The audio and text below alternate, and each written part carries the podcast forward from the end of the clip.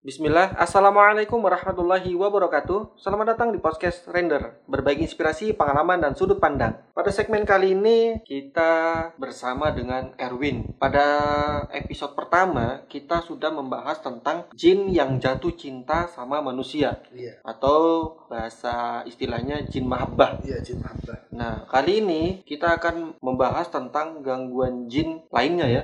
Ini gangguannya apa namanya ini? Kita nyebutnya kalau di Rukiah jin nasab, jin keturunan. Ini beda sama yang jin mahabbah ya Beda. yang ketemu lalu jatuh cinta. Hmm. Nah kalau ini jin Kalau jin keturunan nasab, gimana nih? kalau jin nasab ini memang dari perjanjian nenek moyangnya dulu yang pernah melakukan perjanjian dengan Bangsa, bangsa jin. jin. Ya entah mereka melakukan ritual-ritual macam-macam lah dari dupa ataupun sesajen-sesajen yang disediakan untuk bangsa jin. Sehingga bangsa jin ini mereka hadir di setiap keturunan nenek moyangnya untuk menjaga keturunan-keturunannya. Jadi jin nasab ini dia bertugas untuk menjaga keturunan-keturunan Memang pada kenyataannya menjaga. Aneh kurang tahu ya Allah alam tapi Anda lihat sebenarnya lebih bukan menjaga sih memberatkan daripada orang-orang yang dirasuki sama bangsa jin asap ini Mm-mm. sehingga orang-orang yang diganggu sama jin asap ini mereka gak dapatkan manfaat Bah- bahkan mereka lebih dapat apa Mudorot. mudorotnya lebih banyak dapatnya bahkan sampai anak kecil bisa melihat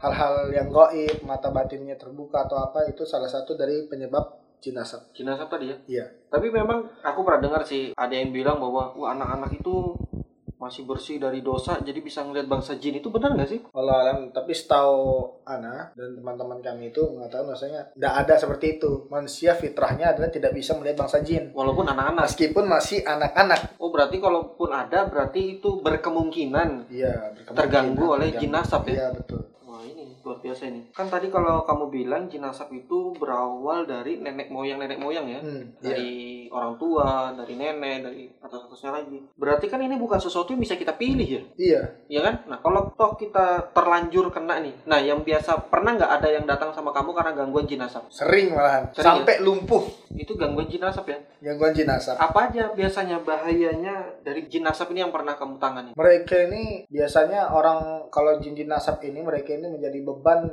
biasanya buat orang malas dalam beribadah terus akhirnya emosional mereka itu mau dibilang menjaga juga enggak mau dibilang merepotkan iya karena ya itu membuat malas terus emosional naik turun tetapi mereka juga tidak ingin tidak mengganggu tidak ada niatan mengganggu keluarga yang ada atau tetangga-tetangganya Seperti jin mahabbah tadi ya? iya Beda ya? jin mabahnya Cara mengganggunya beda Iya, ya? cara mengganggunya beda Tadi kan kamu bilang ada yang sampai lumpuh. iya ada yang sampai lumpuh Loh berarti ber- cukup berbahaya tuh jin asap ini. Itu pun mereka itu ini aneh ketika ngerukiah tuh aneh tanyain ketika rukiah kesurupan orang ini Mhm. terus ternyata ada dari jenazah itu ngomong gini orang ini Hmm. saya jagain kalau gak saya jagain mati nih orang ini sudah ini paling sedikit sudah minimal ini lumpuh dia selamat Hmm. karena saya katanya bang Sejin itu. Seandainya nggak ada saya yang jagain waktu dikirimnya pesugihan-pesugihan gitu atau santai-santai gitu dari dukun. Hmm. "Wah, ini orang bakal mati sama anaknya. Ini minimal dia sudah selamat Kak. cuma lumpuh aja. Itu pun karena saya jagain. Wah, Jadi jadi mereka ngomong pengakuan deh ya.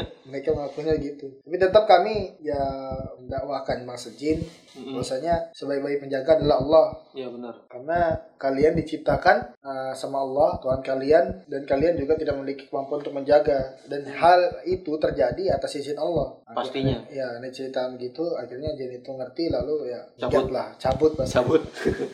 Udah nggak dibutuhin lo di Iya, sini tapi gak, gak semudah itu jin asap itu langsung main pergi aja. Ada yang ngelawan juga ya? ada yang lawan dan ada juga yang mengatakan saya terikat dalam tubuhnya dia ini karena sudah lama perjanjian kami ini dengan nenek moyang mereka susah terputusnya Hmm. akhirnya mereka minta diputuskan dulu ikatan-ikatan atau ikatan perjanjian dengan ikrar-ikrar yang ada yang memang diajarkan di setiap roki biasanya ikrar-ikrarnya itu seperti kami membaca kami berikrar bahwasanya jin iblis maupun bala tentaranya adalah musuh kami kami Hmm. melepaskan diri daripada gangguan-gangguan mereka Hmm. Nah, itu biasa ikrar-ikrarnya seperti itu panjang ikrar-ikrarnya dibacakan ke orang ke markinya Heeh. lalu Rocky menuntun habis itu jin itu bisa terlepas dengan sendirinya Oh dengan ikrar-ikrar Iya. tadi ya? Adapun jin yang sudah nyaman dengan keluarga-keluarga tersebut biasanya mereka nggak mau keluar ataupun mereka keluar tapi dengan syarat mereka tetap ingin tinggal di rumahnya Tugasnya hanya untuk menjaga. Allah alam mana kurang mengerti seperti apa jaganya. Tapi mereka ngomongnya menjaga tapi gak ada dalam tubuhnya sudah. Yang datang ke kamu kan merasa ada gangguan. Berarti kan jin nasab yang ada pada dirinya, ada pada tubuhnya, itu cukup mengganggu dia sampai akhirnya dia datang ke orang untuk meruqyah. iya mereka itu biasanya orang-orang seperti itu. Makanya mereka itu merasa lelah lebih capek lebih males. Biasanya mereka datang ke kami untuk menghilangkan perasaan itu. Dan mereka biasanya juga menceritakan bahwasanya keluarga kami pernah melakukan perjanjian dengan Bang Sajin dan kami minta tolong agar ikatan dengan Bang Sajin ini dilepaskan. Ini sama nggak sih penanganan mandirinya sama episode kita sebelumnya di Jin Mahabbah ini? Kalau di jin nasab ini Heeh. cara penanganannya berikrar, habis itu mandi. Berarti- Mandi dengan air yang memang sudah dirukiah juga airnya, terus dimandikan ke orang yang memiliki gangguan. Berarti memang nggak ada penanganan mandiri ya? Memang butuh ada tenaga ahli. ya? Memang butuh tenaga ahli kalau jin nasab ini karena nggak bisa langsung lepas. Seandainya rukiah mandiri itu hanya menyakiti bangsa jin aja, tetapi tidak me- Melepaskan ikatan secara itu. langsung gitu, iya. Tidak melepaskan ikatan. Sedangkan dibantu pun belum tentu bisa lepas juga. Karena saking sudah tertanamnya apalagi orang itu sudah bahasanya tidak mengenal Tuhan terus dia dirukiah itu bakal seperti ada benteng yang tumbuh dalam kolbunya. Waduh, agak berat juga ya. Iya, sehingga nggak bisa semudah itu melepaskan ikatan bangsa jin itu. Nah, tapi yang menjadi pertanyaan gue nih, misalkan nenek moyang yang melakukan perjanjian dengan bangsa jin. Iya. Nah, dia punya anak lima. Atau apakah lima-limanya kena atau hanya salah satunya nanti? Lima-limanya kena. Karena kan bangsa jin juga mereka juga punya keluarga. Berketurunan Iya, gitu ya? berketurunan. Dan itu mereka masing-masing bakal ngikut ke setiap keturunan. Oh, jadi misalkan nanti cucunya lagi ada 10. Masing-masing Ya, nanti bakal ada seperti lagi itu. gitu. ya. Ha, bakal ngikut sampai mati.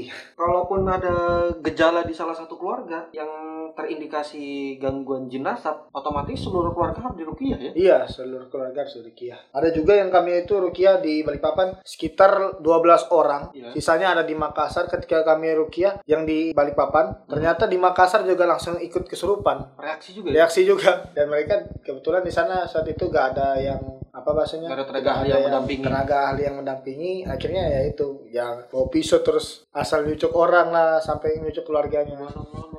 Ya. Betul ya.